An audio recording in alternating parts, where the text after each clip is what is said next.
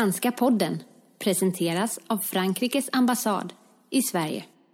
The five French institutes in the Nordic region have decided to launch in 2020 an award to promote scientific cooperation between France and the Nordic countries.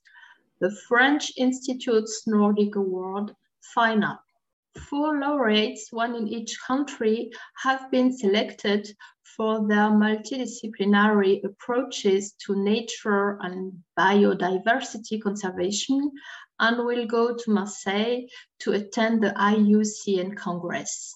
In the meantime, and in anticipation of the Congress, the French institutes wanted you to get acquainted with these four young researchers.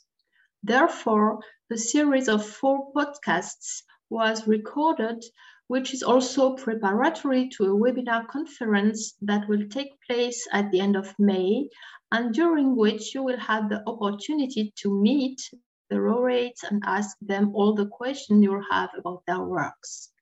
Helena Tukiainen from Finland, Justine Ramage from Sweden, Julie Strand from Denmark, and Annabelle Mempel from Norway will discuss the dynamics of geodiversity and biodiversity, the impact of climate change on the landscapes and the people, the safeguard of genetics, and the connections between nature conservation and international cooperation.